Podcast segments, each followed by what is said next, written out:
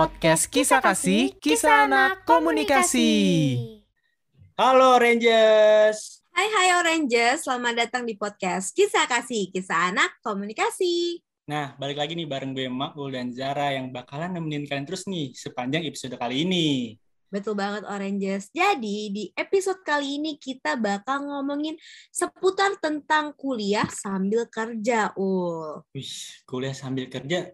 Waduh, cuman gue mau ada sedikit sharing-sharing dikit nih sama Lura mengenai kuliah sambil kerja nih, Ra. Jadi pas sekarang kita lagi libur nih, liburannya cukup panjang gitu kan.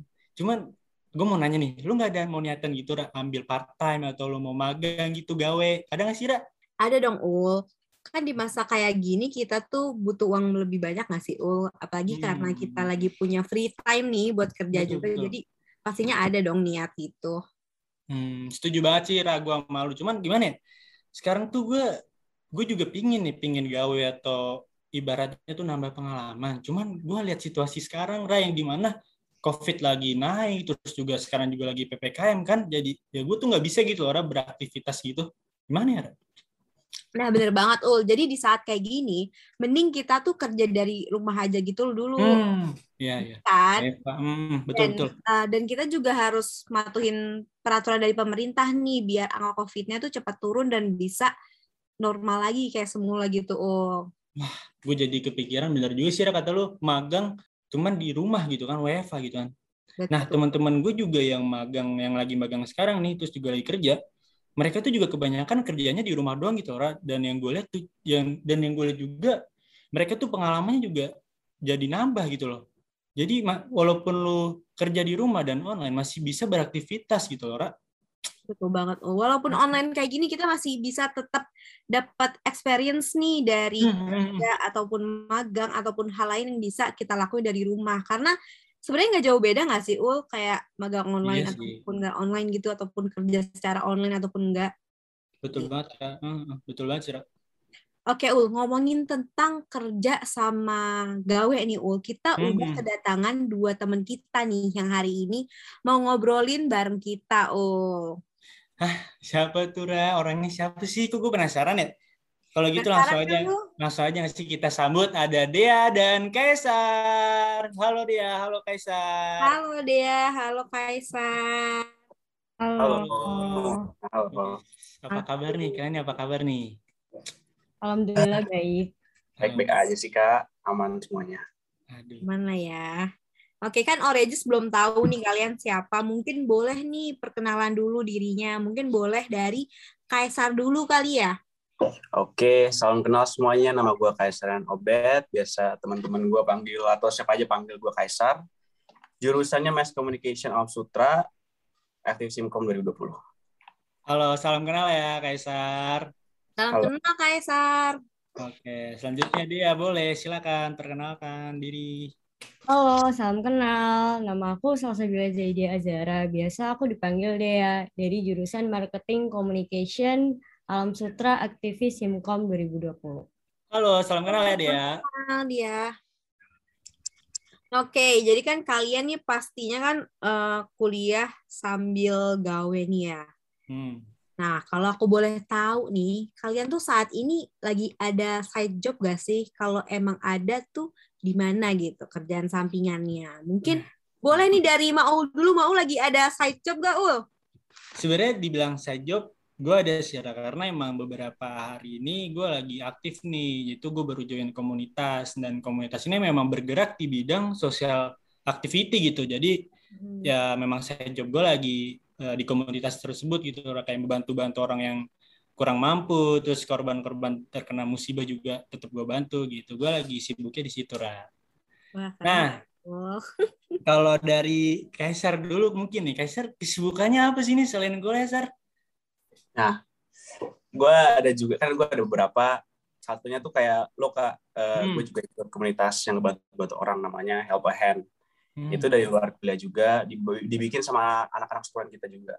Wah, Terus kedua, gue juga demen banget hobi sama foto dan video. Jadi gue tuh ke gue kebanyakan keluar karena foto video sih dipanggil hmm. klien, dipanggil joki dan gue sekarang juga lagi bikin uh, bisnis clothing line sama teman-teman gue udah udah cari vendor semua gitu gitu itu sih kesibukan gue kesibukannya cukup banyak ya Ra. ternyata Kaisar ini ada ya Bener-bener. Nah, ditambahin kom satu lagi nggak sih Wih, itu sih yang kayak paling terpenting itu ya Kaisar paling ya penting itu paling penting cuman gue suka nih tipikal Kaisar ini karena memang eh, dia tuh menunjukkan sosok anak muda yang beraktivitas dan eh, apa ya interaktif juga gitu loh Ra Betul, betul banget. Jadi kayak eh, si Kaisar ini kayak udah mikir jauh gitu nggak sih? Karena dia Iya. eh, nyari pengalaman dan nyari kerjaan apa aja hobi yang dia suka kan yang menjadikan itu tuh pekerjaan buat dia gitu loh. So. apalagi Ra, gue tadi dengar dia tuh eh, bilang dia ikut eh, komunitas yang gak jauh beda kayak gue yang di mana memang dia bergerak di bidang social activity yang suka membantu dan yang gue kagetnya eh, komunitas tersebut kebanyakan sumuran sama Kaisar itu yang menurut gue Betul keren banget. juga sih betul. karena susah gitu loh Ra. Eh, ngebangun image anak muda yang udah peka terhadap masyarakat luar gitu dan itu gue salut sih sama lu Sar. Seneng banget sih Ul gue sekarang banyak anak muda yang hatinya tuh tergerak gitu loh Ul buat Hmm. eh, apa eksperimen ke sosial gitu loh, bantu-bantu orang yang kurang mampu dan membutuhkan gitu. betul banget Ra. Oke, nah kalau dia sendiri gimana dia? Dea kak. Oh dia. Nah, ya. dia aduh Zara gimana? Dia dong. Aduh maaf nih. Maaf nih Kak Zara lagi banyak pikiran nih ya guys ya, maklumin ya guys. Nah, dia gimana nih kalau dia nih? Dia. Kalau aku kebetulan aku ikut di perusahaan saudara sih, cuman kayak tetap di profesional gitu di perusahaan. Aku jadi admin uh, penjualan SPBU sama Oh. uh, marketing pupuk urea non subsidi. Sebenarnya agak melenceng jauh sih, Iya, tapi iya. ya biar produktif aja sih kak. Sama ini nggak sih dia kayak ya ngincer-ngincer mumpung ada chance gitu Ya, kan, ada kesempatan. ada waktu, heeh. Heeh, hitung-hitung pengalaman juga ya dia ya. Heeh. Wah, seneng deh gue ngeliat pemuda yang aktif gini loh, Ra. Gimana? Betul, um. Keren Iya, ya apalagi- teman-teman kita Hmm. hari ini. Nah, cuman gue pinanya nih guys. Alasan lu kenapa sih lu pingin ngambil uh, kegiatan itu atau side job lah bisa dibilang. Padahal lu tuh masih kuliah. Gue pingin tahu dong alasan lu kenapa nih lu mau ngambil gitu kan. Mungkin boleh nih dari Dea dulu gimana Dea?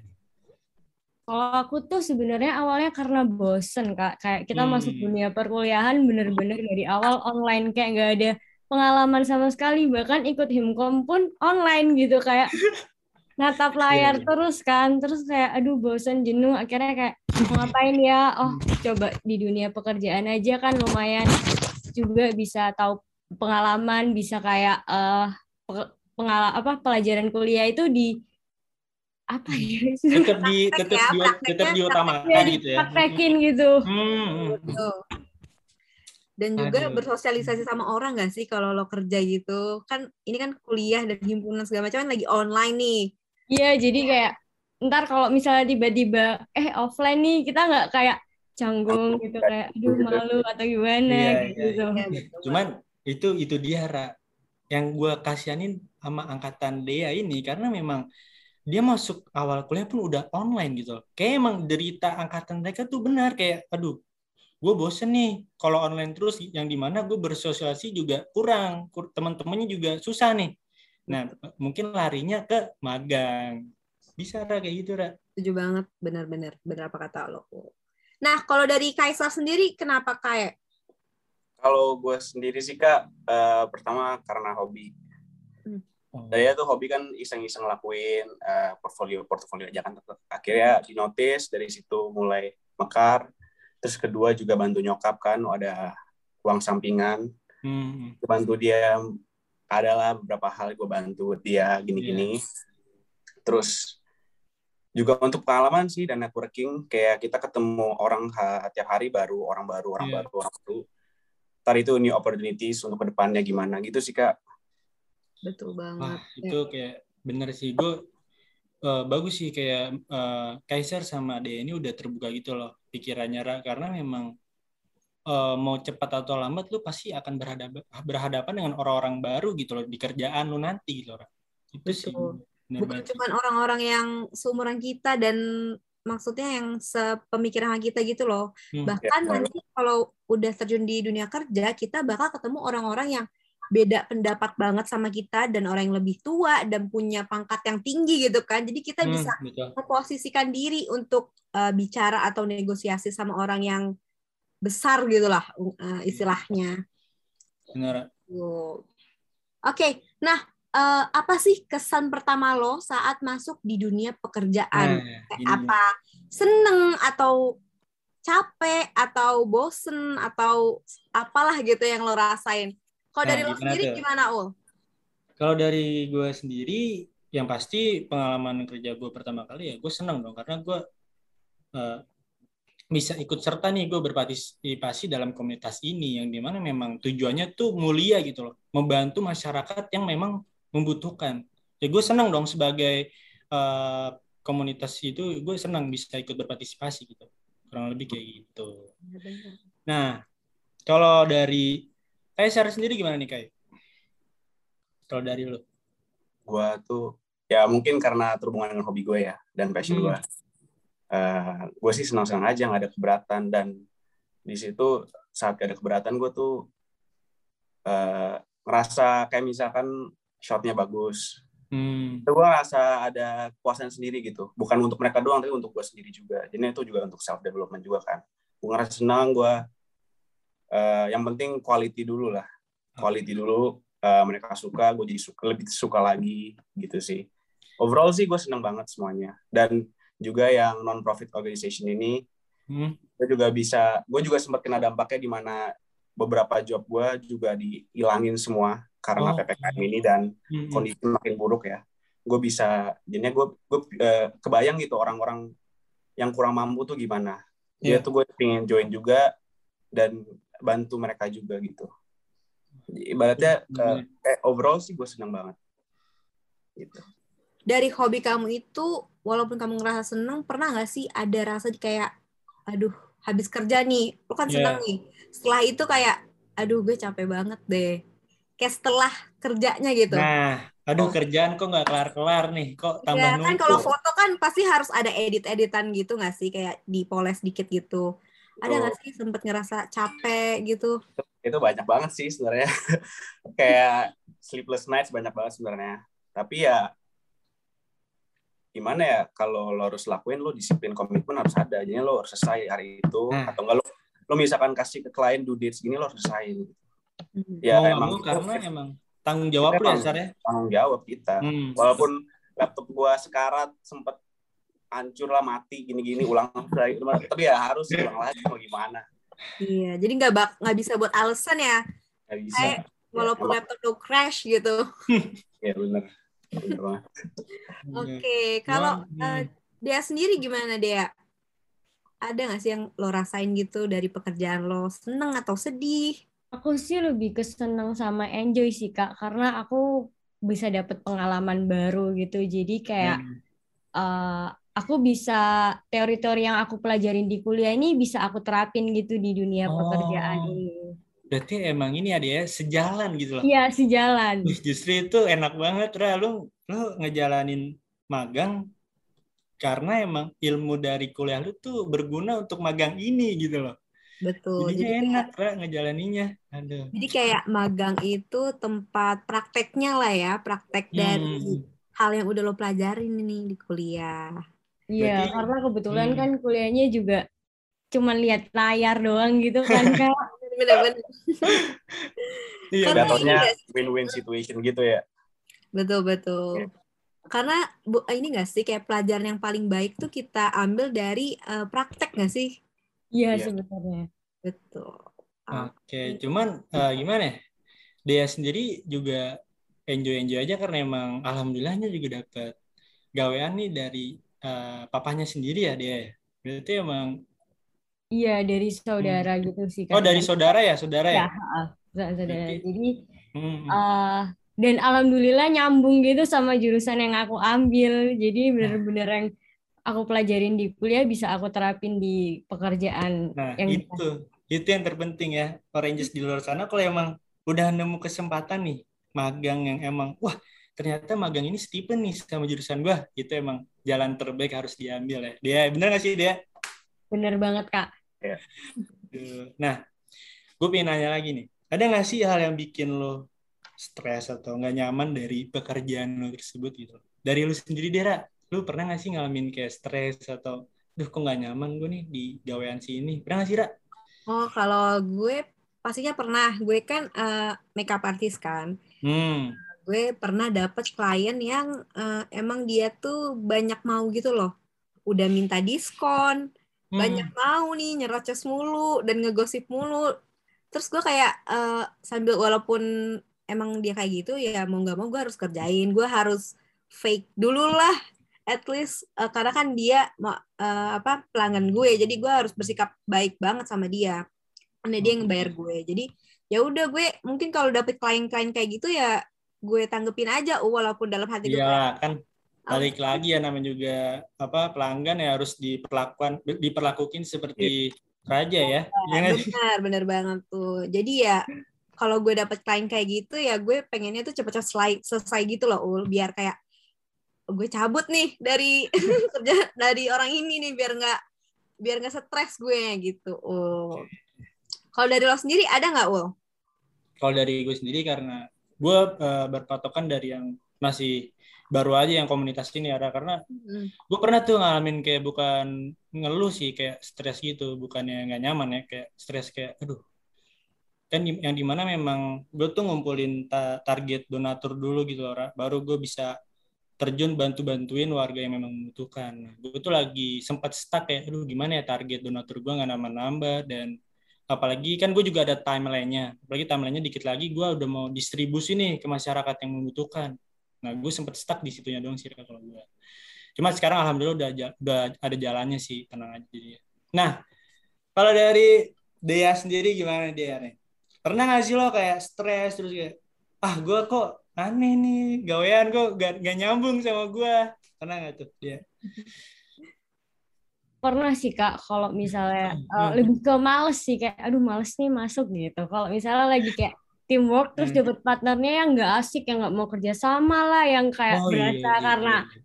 aku anak baru gitu jadi kayak yang ini semua kamu yang kerjain itu jadi kayak aduh nggak asik males banget gitu tapi ya udah sih tetap dijadiin pengalaman aja karena nanti di dunia pekerjaan nantinya setelah lulus pasti ada aja yang kayak gitu gitu Betul Nah, banget. Dan Betul pastinya tuh. lebih parah ya. ya pastinya Dari lebih parah karena real kerja gitu bener-bener udah kerja nih gitu nggak magang lagi gitu Cuman emang bener sih, Ra, kayak namanya juga anak baru ya. Biasanya anak baru udah sewajarnya nggak sih dikasih banyak tugas gitu loh. iya Harusnya sih nggak kayak gitu ya. Oh Ul. nggak gitu juga ya? Ada aja Ul kayak oknum yang uh, memperbanyak. Oh iya, yang kompor-komporin tuh pasti ada tuh, Ra. Dan ya benar. gue tadi lihat juga kata gue dengar juga kata si Dea itu karena emang teamworknya nih kurang nih dan itu ngaruh banget orang. Kalau lu satu divisi atau satu rekan nih ada teamworknya teamworknya kurang, aduh itu lu ngejalanin pekerjaan lu malah jadi ngehambat loh, jadi males benar kata dia tuh. Jadi kayak setengah-setengah gitu ya Ul. Iya jadi lu nggak nggak ngejalaninnya tuh nggak sepenuh hati gitu. loh. Iya, setuju, setuju, setuju. Nah kalau dari Kaisar se- sendiri gimana nih kayak? Eh, gue sih eh, sering sebenarnya ngalamin di mana ya ada namanya down, ngedown sih, nggak nggak stres, nggak apa-apa, tapi Hmm. ngedown. Nah, eh baik lagi sama kayak Kazara tadi banyak yang tanya diskon, turunin harga, terus eh, juga mungkin dari segi kliennya ada yang nggak demen sama foto gue. Itu di mana gue ngedown karena kan dari mana eh, klien tuh mungkin taste-nya beda-beda ya. Jadi tuh mereka sempat di mana menurut gue bagus banget nih gue udah seneng banget gue nggak gue udah can't wait to give them the products lah hasil hasilnya mereka malah oh bisa reshoot lagi nggak gini gini ya menurut itu emang part of the job sih emang lo harus terima rejection kan lo sebagai kayak lo ngebuat art dan beberapa orang gak akan terima ya itu nggak apa-apa dan juga yang untuk diskon diskon itu banyak banget yang terjadi karena mungkin kayak ayo sar kan gue gini lo diskonnya lo gini nah tapi gimana ya gue udah uh, I spend time di belajar skill Hmm. gear gue udah lumayan dan ibaratnya tuh skill ini bertahun-tahun dari gue umur 14 gue udah belajar foto kan Oke. Jadi jadinya tuh kayak di mana kayak mereka mau tetap harga murah. Ya gue sih no problem sebenarnya. Mm-mm. Tapi udah to the point di mana ini murah banget. Kayak emang Oh, di below market price banget di mana gue bisa hancurin market price fotografer lain. nggak sewajarnya gitu ya, Sarah. Mm-mm. Dari situ gue lihat kalau di mana di Indonesia atau di, terutama di Indonesia sih kayak banyak banget yang underappreciate foto, video, Iya. Under, apalagi kayak eh, pasti tau lah anak-anak art di sini mungkin kalau ada anak art kalau kalau art tuh di Indonesia tuh kurang banget sebenarnya Hmm. kayak kurang di appreciate ini tuh Iya, apresiasi. gue ya. ngedownnya di sisi itunya sih kalau untuk ngedown gue kerja foto foto jepret-jepret ngedit gue sih senang-senang aja Karena emang eh, berdasarkan yang tadi lu bilang ya, karena emang itu hobi lu gitu loh. Jepret-jepret foto, editing segala macam karena emang hobi lu. Cuman karena memang di- mungkin eh, pandangan dari KSR ini negara Indonesia ini memang kurang bisa mengapresiasi hasil sebuah art gitu. Kurang Iya. lebih gitu sih. bukan dari foto juga ya dari beberapa hal teman-teman Iya. gue juga udah bikin ini bikin ini lukis lah uh, scriptwriter gini-gini tapi tetap aja mereka nggak underappreciated banget dan gimana ya sisi ngedownnya di situ itu itu ih, itu benar banget sih Ra. karena memang eh, bisa dibilang tuh nilai apresiasi itu walaupun eh, dianggapnya tidak bernilai atau ada harganya cuman cukup penting loh dalam sebuah eh, art gitu. Bener itu. Karena Bener. percuma eh, kalau lu di- dibayar dengan nilai tinggi cuman lu nggak diapresiasi itu bisa ngaruh juga loh mempengaruhi juga. Betul, bagi seniman-seniman luar sana ya itu benar juga sih. Gue setuju. Karena menurut gue tuh eh, seni itu eh, dibayar bayar- bayarannya tuh mahal gitu loh. Karena it Hmm. takes time buat nge-build apa ya eh, karyanya dia gitu. Kayak eh, dia bisa eh, dapat banyak skill itu mereka belajarinnya lama nggak secepat Iya. itu. dan hmm, betul Dan banyak orang juga yang ngeremehin gitu. Misalnya nih ya, misalnya kayak foto nih. Foto eh, menurut kita yang ngerti fotografi ini tuh kualitinya bagus banget. Ini tuh canggih lah. Terus orang Iya. yang yang nggak ngerti itu mereka kayak underestimate gitu loh kayak eh gini doang mah gampang kali nih. Tapi pas mereka praktekin mereka nggak bisa kayak gitu. Gitu. Hmm. Menurut gue sih kayak gitu. ya ibaratnya eh, kita nggak buat kayak mungkin orang lain lihat eh, em, eh, video dua menit doang sebentar kan Hmm. tapi dua, dua menit itu kita pelajarin selama 10 tahun atau 20 tahun Uh, teknik yang kita pelajarin dua menit itu pasti lama banget ini tuh kayak in- intinya underappreciated aja sih Benar. Agree gue. Oke. Nah, eh, saat kalian ngejalanin kuliah nih sambil kerja kan kalian kuliah sambil kerja nih hitungannya ya. Pelajaran atau dampak positif apa sih yang bisa lo ambil dan aplikasiin ke hidup lo sendiri?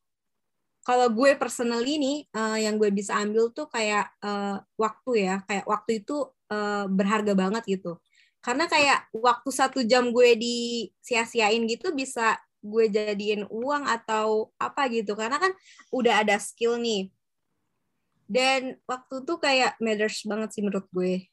Jadi kalau orang-orang yang suka nyepelin waktu orang tuh kayak kurang banget sih ya nggak sih? Oh, iya. Iya Ya, Kak. karena emang lu tuh udah eh, udah sibuk gitu orang Eh, bisa dibilang lu banyak kegiatan. Kalau ada orang yang nggak bisa ngehargain waktu lu kan ya lu gemes juga gak sih? Ya Betul. wajar lah. Iya bener banget. Nah kalau dari dia sendiri menurut kamu gimana dia? Kalau aku sih kayak aku bersyukur karena alhamdulillah aku bisa dapat dua ilmu da- dalam wa- apa waktu sekaligus. nah ya. Kayak aku bisa kerja sama aku bisa kuliah gitu. Jadi kayak nggak perlu yang kayak ah kerja dulu deh baru kuliah atau tunggu deh kuliah selesai dapat titel baru kerja gitu. Enggak. Jadi aku bisa dalam satu waktu sekaligus aku bisa dapat dua ilmu gitu. berarti emang si D ini pinter mengambil kesempatan Ra. yang di mana memang kuliah masih bertatap layar kaca saja atau di- bisa dibilang online nah dia eh, ngambil kesempatan kenapa gua nggak coba magang kenapa gua nggak coba gawe gitu kan betul Ya karena Venoli nantinya kita kan bakal kerja kak. Betul, betul itu makanya kamu pinter dia kamu bisa eh, ngambil kesempatan nih memang dikarenakan situasinya online. Nah itu yang yang susah tuh ngambil kesempatannya itu loh. Berarti Iya, bagus sih Raya. Apalagi kalau dia sambil kerja nih teman-temannya kan banyak yang belum bisa berkesempatan buat kerja nih kayak si Dea dia Hmm. bisa dapat ilmu yang lebih lagi ul buat di kuliahnya gitu jadi teman-temannya pada belum tahu dia udah tahu sendiri gitu loh Iya Nah, sih itu. Yang paling penting lu bisa curi startnya itu yang susah orang bisa tuh. Curi start duluan.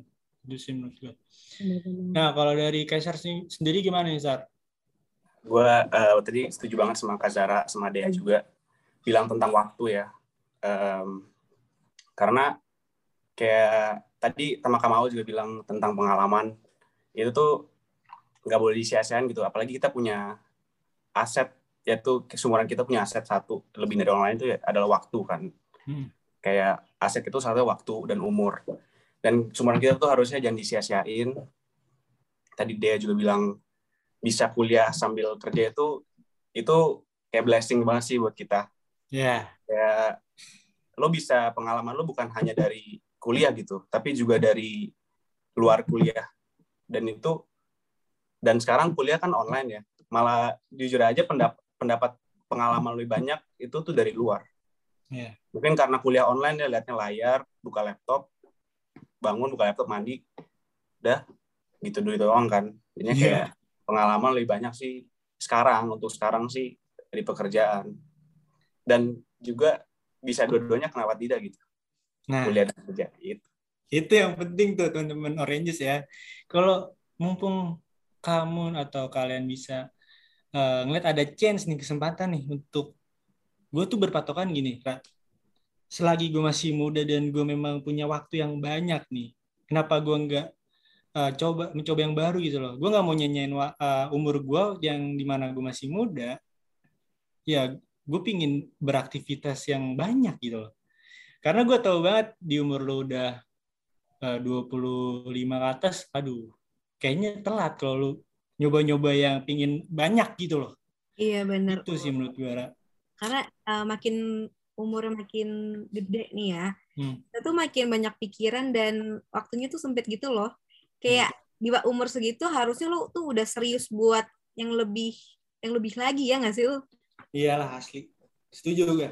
jadi mumpung masih muda nih banyak banyakin apa ya kegiatan yang positif nih Hmm. dan berbanyak skill banyak banyakin belajar pokoknya eh, lo masih muda tuh perbanyak skill yang banyak deh lo mau masak mau foto mau semuanya kalau kalau bisa lo ambil lo ambil deh benar Nah, kan kita kita sih di sini jatuhnya kayak konten mot- motivasi tau gak lo? Iya sih ya Udah lah ini kita kenapa jadi ngasih tau orang mulu udah kita lanjutnya nih mending. kayak motivasi banget gitu nih anaknya. Ya udah nih, lanjut ya. Selama Lanjut. ngejalanin Boleh. kuliah sambil kerja, kalian pernah gak sih kayak keteteran atau time, man- time management lu tuh rusak gitu? Jujur li, gue lagi merasakannya nih sekarang guys. Karena memang cukup cukup susah ya guys eh, ngatur nih. Apalagi gue pingin tahu banget nih jawaban Kaisar kan Kaisar banyak banget nih kegiatannya tadi tuh. Nah, kalau gue cukup rusak sekarang. Kalau Zara sendiri deh, lu gimana? Ra? waduh no comment kadang-kadang ya oh gue sampai eh, harus nolak-nolakin klien gue yang mau make up sama gue ul karena gue Hmm, punya kesibukan yang emang gue nggak bisa tinggal ul ya. gitu. Dan lu tuh di, di satu sisi lain lu bingung kan prioritasin yang mana dulu nih. Dua-duanya penting Oh, atau semuanya bener, penting. bener. Ya, karena gitu. kayak gue jadi orang juga nggak bisa egois kan gue nggak bisa Iya. mikirin gue sendiri jadi gue kayak harus curhat lama nih ya berdua oh Iya. dong Tuh kan, udah lah, lanjut lah, Ra. lanjut Ra. lanjut aja lanjut udah kayak Kaisar gimana nih Kaisar jujur eh, sempat ada di momen di mana hancur banget schedule-nya Hmm. karena keteteran banget. Dan kayak bener-bener dua minggu tiga minggu gak istirahat sama sekali. Hmm. itu sisi jeleknya gue saat itu baru mulai juga kan. Pas Iya. awal-awal baru mulai eh, kerja-kerja gitu. Dan kuliah aja tuh gue belum bisa prioritasin mana yang lebih penting. Mana yang harus kerjaan duluan mana yang due date-nya entaran sama sekarang. Ya itu gue ibaratnya nyakitin diri gue sendiri karena prioritas gue salah time management gue salah. Gue jadi eh, workflow gue jadi hancur gitu gue pernah Iya. banget sekarang sih udah tahu algoritmanya udah udah tahu eh, misalkan foto berapa lama terus kerjain desain ini berapa lama terus laptop crash berapa lama itu tahu sih udah udah udah Udah hatam ya. urusan jam kayak gitu udah aja sih ya udah jam paham ya. aja iya ya lanjut ke dia udah. Oke. Gitu sih emang kadang susah gitu loh. Saya lu Iya. ngebagi waktu dengan kegiatan lu yang banyak gitu loh. Emang wajar sih nggak apa. Nah, kalau dari dia sendiri gimana dia nih? Kalau aku sih bener kata Kaisar, awal-awal tuh pasti bener-bener keteteran semua kak, kayak aduh mana yang lebih penting kuliah apa kerja kayak gitu sih. Cuman karena kayak itu kan kemauan aku ya, jadi aku harus bener-bener bisa gitu ngehandle waktunya Iya. gimana. Karena aku tuh kayak mikirnya kalau aku nggak lari dari sekarang, ntar aku bisa ketinggalan gitu. Ibaratnya kan kayak gitu kan, kayak aku di umur 25 baru misalnya lulus umur 24 gitu Ya, itu aku baru mulai gitu itu udah kayak udah telat gitu aku mau start jadi ya udah sih tapi alhamdulillah sekarang udah bisa udah bener-bener udah ngerti gitu prioritasnya lebih ke mana kayak gitu. bagus sih. Ra. Berarti emang poin utamanya tuh eh, kegiatan atau pekerjaan yang lu pilih ini kan atas dasar kemauan lu sendiri. Bisa dibilang ya lu harus ada sisi tanggung jawab sebagai lu yang ngelakuin pekerjaan tersebut gitu loh. Kurang lebih kayak gitu, Ra. Betul. Dan eh, buat oranges nih it's okay kalau misalnya waktu lo itu kayak keteteran atau workflow lo jadi ngaco gitu. nggak apa-apa itu eh, part of apa ya ngatur time management yang benar gitu untuk Iya, selanjutnya guys. kan, kan kalian bisa belajar dari kesalahan kalian kan Betul. dan Jadi habis itu bisa dibenerin gitu ya Ul. wajar kok kalau time management lu rusak di awal-awal nggak apa-apa wajar. It's okay lah. kalau rusak terus gimana kak Nah, kalau rusak ya belajar dari yang dulu-dulu nih. Tinggal cara lu sendiri gimana cara. Jangan rusak mulu itu mah emang dari dirinya dia sendiri yang nggak mau berubah. Oke. Nah, eh, tapi gimana sih cara lo ngebagi waktu supaya semua aktivitas lo tuh dari mulai kuliah, kerja atau ada kegiatan lain tuh bisa dijalanin semua. Nah, mungkin kalau dari dia sendiri gimana dia? kalau aku sih dari awal aku ngerti emang kewajiban aku tuh kuliah ya jadi kayak eh, ibaratnya itu aku ibaratin kayak kerja nih aku cuman karena aku nggak ada praktek gitu di kuliah jadi aku harus Hmm. kerja gitu. Nah kalau misalnya aku sih kayak misalnya ini eh, jam kerja terus aku harus kuliah nih jadi aku Hmm. skip dulu kerjaan aku aku kuliah. Nanti begitu udah selesai kan waktu kerja ada istirahat kan itu aku kerjain yang aku skip tadi. Aku sih kayak gitu kak Oh, berarti Oh. tempat kerjanya dia ini lumayan fleksibel ya karena Iya, iya. ngerti Iya dari awal aku juga menyampaikan gitu kalau aku ini eh, mahasiswa semester awal yang bener-bener ke aku kerja karena aku itu nggak nggak apa ya ibaratnya aku cuma lihat layar doang gitu jadi aku nggak Iya. ngerti itu gimana ya ini gitu Iya sih. kayak gitu sih kak Wajar sih Raya kalau kayak gitu yang gimana ya emang kadang gue juga belajar lewat depan layar juga sama ya dia capek nggak nggak masuk dan capek Iya. juga dan itu Nyatu. manusiawi ya guys ya manusiawi wajar gitu Iya. cuman kalau dari Kaisar sendiri gimana nih Sar? Eh, gue eh, sama juga kayak dia kalau ada waktu sempat kerjain Hmm. terus juga mungkin sih sekarang gue lagi nyatet-nyatet sih kayak apa yang besok gue bakal lakuin oh kayak betul, tulis betul. besok itu gue nyatet biasanya Iya. tiap malam tiap malam gue catat gini-gini biar besoknya nggak bingung harus Nah, atau nggak nggak bingung dan nggak lupa gitu dan nah, itu kalau juga ah, betul betul Sar.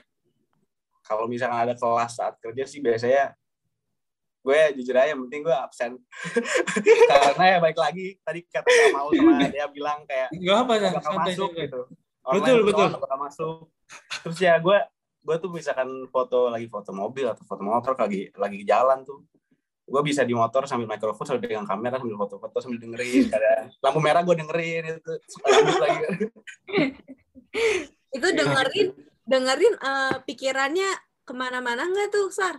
Wah, itu mah ke mana-mana banget itu mah. Itu kayak nggak nyambung deh apa yang dibahas Kamera fotoin mobil dengerin apa kelas ya? dengerin si- ya, dengerin politik. Aduh nggak ada nggak ada. Karena kayak gini, abis ini gue angle mana yang harus gue shoot? Terus suruh on cam aduh Kayak pernah pernah mana? bad trip bad trip langsung tuh kalau seruan kayak Wah, parah banget Aduh. Cuman itu sih Ray, yang gue suka, even lu lagi sibuk, cuman ya emang lu harus ingat prioritas kenapa lu di klien tuh karena apa gitu loh. Ya jangan lupa dengan tanggung jawabnya gitu. Ini yang gue suka dari dia sama Kaisar tuh, ya walaupun eh, bisa dibilang hanya absen doang ya teman-temannya, cuman kan seenggaknya ada kemauan untuk kuliah gitu loh. Iya. Itu yang mahalnya gitu kali ya. Penting absen gak jebol ya, Ul. Betul dong. Apalagi kita kan kuliah juga masih dari uh, duit orang tua gitu loh. Kita harus menghargai juga atas ya Iya. mumpung masih dibayarin gitu kan. Betul. Dan yang gue juga suka dari Kaisar ini ya, Ra, uh, dia tuh yang tadi Kaisar bilang bahwa dia memang biar nggak bentrok, dijadwalin nih besok nih, dicatat dulu nih. Biar ya, biar dia tuh tahu harus besoknya gue harus ngapain ya, biar nggak keteteran. Dan itu bisa jadi tips banget nih buat oranges di luar sana kalau emang kadang masih susah nih atau bentrok. Nah, langsung aja tuh dicatat biar besoknya langsung udah tahu nih apa yang harus dilakuin. Gitu. Betul banget. Bikin to-do list ya Oranges biar Iya. nggak ada yang ke-skip gitu. Jadwal yang pengen Oke. kalian lakuin. Cuman kalian pernah nggak sih bentrok gitu loh di jam kerja? Uh, terus cara lu ngatasinnya tuh gimana? Tadi kan dia sama Kaisar udah uh, kasih tahu ya tipsnya kalau dia mungkin uh, ada waktu luang fleksibel baru bisa uh, ngerjain lagi atau kuliah lagi. Kalau Kaisar kan tadi ya sempet-sempetin nih lagi di jalan tetap tetap dengerin kan kelasnya. Cuman kalian ada tips lagi nggak sih yang lain nih mungkin Oranges masih butuh nih tips dari kalian. Mungkin dari Kaisar dulu gimana, Sar? Eh, itu sih biasanya gue juga misalnya udah selesai kerja Hmm. ada kelas di situ biasanya selesai, selesai kerja selesai semuanya gue tanya rekan-rekan Oh. gue itu mereka bakal bantu sih kayak gue tanya eh, ini gimana tadi eh, kelasnya ngomongin apa aja kayak Hmm. gitu tanya ke orang yang join gitu. biasanya gue gitu sih Wah. minta bantuan dari orang lain itu itu juga penting sih yang di mana memang apa gunanya eh, temen lu kalau nggak bisa ya bantuin gitu loh kurang lebih kayak gitu ya Ra, ya bener Betul. sih bener-bener Setuju, setuju. Nah, kalau dari dia sendiri gimana dia? Kalau aku sih bener kata Kaisar tadi, kita harus bikin to-do list gitu malamnya. Oh ini ternyata kayak, eh bentrok nih gitu. Kalau emang bener-bener harus absen doang gitu ibaratnya karena kepepet, jadi ya emang kita nanya ke temen. Tapi kan kita ini masih ibaratnya nggak kenal gitu temennya Yes, siapa gitu. Kayak susah banget gitu. Emang nanti kayak, eh lo tuh takut diomongin gimana-gimana. Karena kan bener-bener nggak pernah tatap muka, takut Iya sih, kayak bikin kesan yang buruk. Jadi mungkin lebih belajar di PPT kali ya di Binus Maya. Iya, lebih pasti ya ilmunya lebih pasti deh. Lebih pasti gitu. Atau enggak ini enggak sih belajar dari record Zoom gitu? ya atau enggak lihat eh, forum-forumnya jawaban. Misalnya kayak kan ada tuh yang dosen yang habis apa habis ngajar langsung kasih forum gitu kayak Iya. lihat jawaban teman-teman oh tadi ngajarin ini ya kayak gitu nyontek gitu ya nyontek ya. gak nyontek tapi caranya yang ini ya nggak bisa kelihatan banget itu ntar di loh referensi gitu lah bisa dibilang ya gitu. referensi Eh, tapi nih selama kuliah sambil kerja nih, eh, manfaat terbesar apa sih yang lo dapetin selama ngejalanin kuliah sambil kerja? Kalau dari lo sendiri, ada nggak Ul, manfaat yang paling besar menurut lo? ada dong manfaatnya di mana? Ilmu yang gue pelajarin di luar tuh emang ilmu sosial gitu yang di mana nggak bisa lu pelajarin di materi kuliah gue jadi memang kedua sisi kuliah dan komunitas ini bisa ngebangun manfaat baru dan positif buat gue gitu. Kalau gue gitu Ra. Kalau lu sendiri gimana nih dari yang makeup artis sambil kuliah manfaatnya apa nih Ra? Ya bener, Ul, gue setuju sama, sama kata lo, kayak eh, hal yang kita dapetin di lapangan tuh nggak bisa kita dapetin gitu semuanya dari materi atau pelajaran dari dosen. Karena Hmm. kita di lapangan tuh learning by doing gitu nggak sih? Ada ada sesuatu yang kita pelajarin by learning and doing gitu. Menurut gue kayak gitu. Nah kalau dari Kaisar sendiri gimana kayak ada gak sih tadi manfaat? bener sih sama eh, kata Kajara sama Kamaul eh, belajarnya melalui eh, saat kita nyemplung ke lapangan. Hmm. itu kita balik lagi ke tadi Kamal bilang tentang pelajaran eh, social skill kita kan. Iya. itu bener banget sih soalnya kan eh, saat masa sekarang kita hanya diem di belakang layar kan. Kita nggak ada namanya Hmm. social skill ketemu orang di, dari luar. Itu ke asa banget sih social skill kita saat dimasuk ke dunia kerja gitu. Dunia kerja ya berarti emang kerasa banget ya Sarah ya? Dan juga uh, disiplin sama komitmen sih menurut gue Oh, itu. Oke. Iya. Itu sih benar penting banget karena memang eh dengan lu belajar di luar atau bisa dibilang magang, secara nggak langsung lu juga belajar yang di mana disiplin akan waktu dan tanggung jawab yang tugas yang bakal lu diberikan sama atasan gitu kurang lebih kayak gitu. Di situ lalu bakal belajar nih, oh jadi kayak gini cara menghargai waktu atau disiplin dan ya yang tadi Kaisar bilang, Ra. Itu kurang lebih. Nah, mungkin kalau dari dia sendiri apa sih dek eh, pelajaran ma- atau manfaat terbesar nih yang lo dapat dari kerja sambil kuliah gitu? Kalau aku sih setuju sama Kaisar tadi sih Kak. Bener-bener lapangan tuh di zaman sekarang itu bener-bener kita emang harus terjun ke lapangan. Meskipun emang takut corona, ibaratnya takut ah ada virus gini-gini. Hmm. Cuman kalau kita nggak mulai kayak bener-bener kita kan nggak tahu nih online ini mau sampai kapan gitu. Kalau misalnya ternyata bisa aja nanti aku dari awal sampai akhir ini sampai harus bener-bener online gitu. Aku nggak dapat apa-apa gitu. Percuma orang tuaku menurut aku percuma orang tuaku uh, kuliahin aku mahal-mahal tapi aku bener-bener nggak ada gitu bersosialisasi sama orang aku nggak ada. Terus Iya. kayak praktek juga aku nggak ada. Dan menurut aku emang kalau kita belajar teori doang itu sangat-sangat kurang sih. Apalagi nantinya pasti bakal ya kerja. Nggak mungkin dong nanti aja Iya. rumah tangga aja. Kayaknya itu zaman sekarang itu bener-bener uh, anak muda nggak ada sih. Yang pingin pasti semua pingin kerja sih kak. Ya kembali lagi kayak percuma orang tua uh, bayar kuliah mahal-mahal nih. Kalau kita nggak kita sukses juga buat orang tua gitu kayak Iya, betul iya, banget, iya, betul gitu. banget tuh. Cuman ya sih ada kayak di mana eh, patokan umur kita kan masih muda yang di mana memang yang gue lihat juga yang gue tanya teman-teman sumuran sama Dea dan Kaisar ini mereka juga banyak loh mereka penasaran gue pingin nyobain ah magang di sini gue pingin nyobain ah kerja di sini dan itu jadi hal yang wajar sih memang karena mereka juga bingung kenapa kuliah gue kayak gini-gini doang dan bisa dibilang eh, agak sedikit susah masuknya gitu lah ya teman-teman. Kurang lebih kayak gitu juga sih Ra, bener. Itu setuju banget. Lo karena emang apa ya menurut gue tuh uh, kuliah online tuh sebenarnya ya kurang efektif. Dan kita juga terpaksa kan ngejalin kuliah online karena emang virusnya tuh datang nggak terduga-duga gitu loh tiba-tiba aja muncul. Jadi ya mau nggak mau kita harus menghadapi situasi kayak gini harus survive gitu oke betul banget. Nah terakhir gue mau ngomong nih. Lu ada sedikit pesan atau tips gak sih buat yang mau lu sampai nih buat mahasiswa yang baru mau nyoba kuliah sambil kerja? Ada nggak nih lu pesan yang mau lu sampein buat mereka gitu? Mungkin boleh nih. Dari siapa dulu nih? Maunya nih. Dea Pak Kaisar nih yang mau kasih tips? Bebas Oke. siapa nih? Oke. Dari siapa nih Ra? Kira-kira nih Ra? Eh, kayaknya deh ya deh itu kayaknya di- udah nggak sabar mau ngasih Ya udah oke Dea gimana nih pesan yang mau lu sampein nih?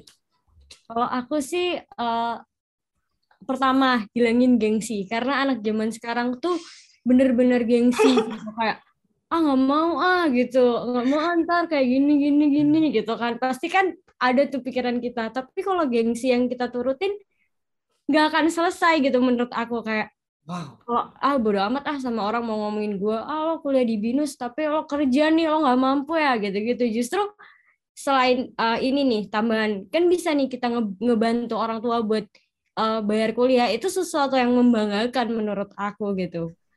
Kalau aku diajak sih aku nggak peduli. Udah nggak peduli udah bener-bener harus ngilangin gengsi sih. Terus kayak uh, ternyata itu bukan hal yang sulit gitu kuliah sambil kerja dan itu bukan hal yang memalukan karena anak zaman Hmm. sekarang itu banyak banget yang malu dan gengsi kalau kerja itu sih kak bener kata dia nih kalau lu mau coba hal yang baru ya turunin lah gengsi lu dan ego lu bener gak sih Ra? aduh Betul banget, setuju banget. Makanya gue kayak tadi kayak bener banget tuh, bener banget. Karena kayak orang zaman sekarang tuh kebanyakan gengsi gak sih? Uh, kayak Wah, takut iya. dijudge, dijudge. takut dijat Iya, dan juga memang mental zaman apa anak muda zaman sekarang ini juga udah berbeda dengan yang dulu-dulu gitu loh.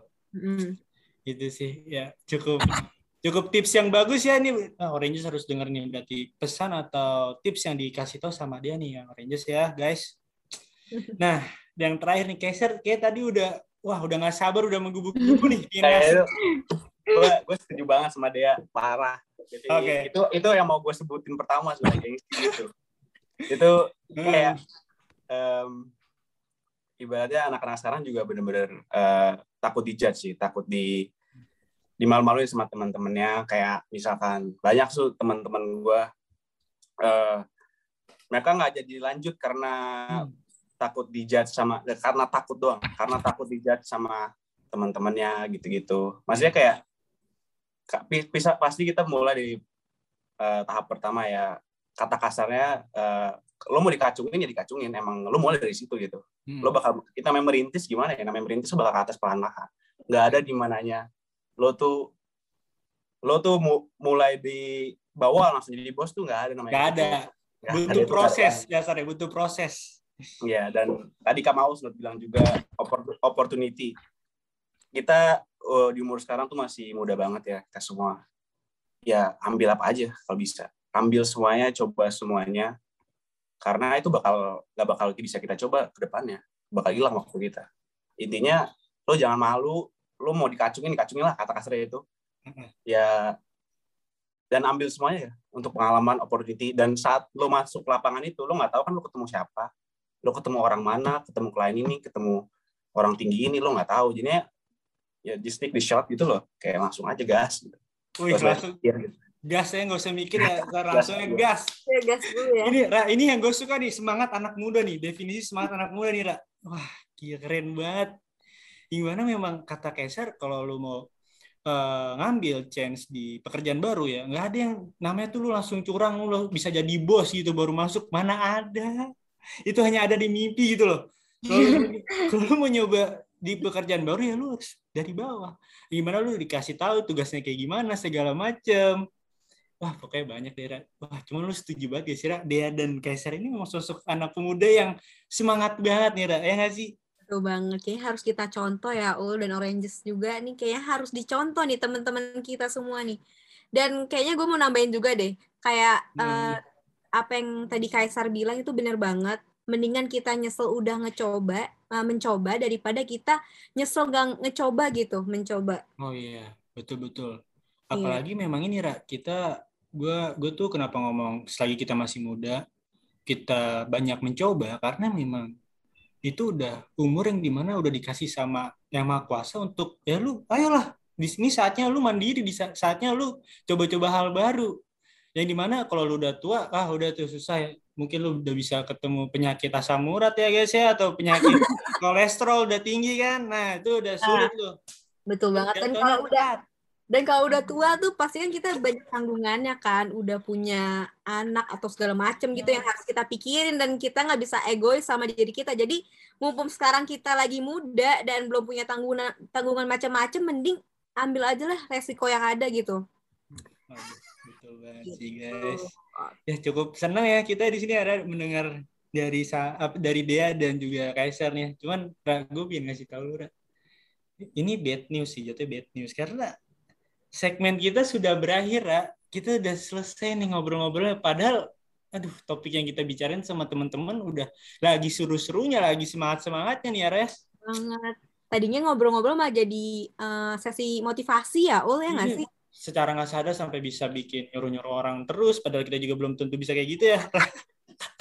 Iya. Ya, terus juga tadi kita udah eh, bacain topik eh, atau segmen udah banyak nih dari mengenai eh, lu alasan lu kenapa lu ambil kuliah sambil kerja, terus lu kerja nyatu apa, di mana. Apalagi Ra, tadi kita, kita udah ngebahas apa lagi tuh, Ra? Terus tadi pengaruh kerja di kehidupan mereka tuh apa dan manfaat yang mereka dapat dari kerja dan kuliah itu apa dan masih banyak lagi. Ul. Betul banget. Pokoknya tadi kita udah sharing seru-seruan nih bareng Bea dan Kaisar juga. Dan di sini juga gua sama Zara mau mengucapkan terima kasih nih karena udah mau nyempetin datang di podcast Kisah Kasih ya. Thank you loh dia sama Kaisar udah mau join nih di podcast Kisah Kasih. Thank you ya. Dan Dea. Kita yang thank you kak, kita yang thank you. Kita Thank, thank you kayaknya kak. Wih, Kita yang thank you. Udah bisa saling Ah. sharing gini enak banget. Sharing iya. dengan adanya sharing ini bisa apa ya nger- ngerendahin beban pekerjaan lo nggak sih? Ya, Benar, benar. Dan Ya, nambah intinya- knowledge ya. Kita sharing knowledge ya di sini. betul. Ya, hope dari gue sama Zara semoga tetap semangat di pekerjaan lo masing-masing ya. kalau bisa jangan setengah-setengah lah lu ngejalaninnya gitu. Kalau mumpung dia lagi dikasih kesempatan karena nggak semua orang bisa dapat kesempatan kayak lu gitu. Jadi hope dari kita semoga lu bisa lancar lah ngejalanin pekerjaannya gitu. Semangat dan sukses terus ya Dea dan Kaisar. Thank you kak. Thank you, Kak. Kak juga ya, kakak semua juga. Ah, amin amin thank you thank you. Oke, sebelumnya nih aku mau ngingetin ke Oranges jangan lupa follow seluruh sosial media Himkom di Instagram, Twitter, Facebook dan YouTube at @himkombinus. H I M M C O M binus dan jangan lupa untuk add official account kita di at 101 JLXP agar kalian tidak tertinggal informasi dan berita dari Himkom. Yap, betul banget. Dan buat Oranges di luar sana, untuk tetap stay tune terus ya di podcast Kisah Kasih Himkom untuk keseruan di episode selanjutnya. Di setiap hari apa kalau gue boleh tahu? Setiap hari Jumat pada jam 5 sore, gue mau pamit undur diri beserta partner gue. Sarah pamit undur diri. Sampai jumpa di episode dan keseruan selanjutnya Oranges. Bye! Bye!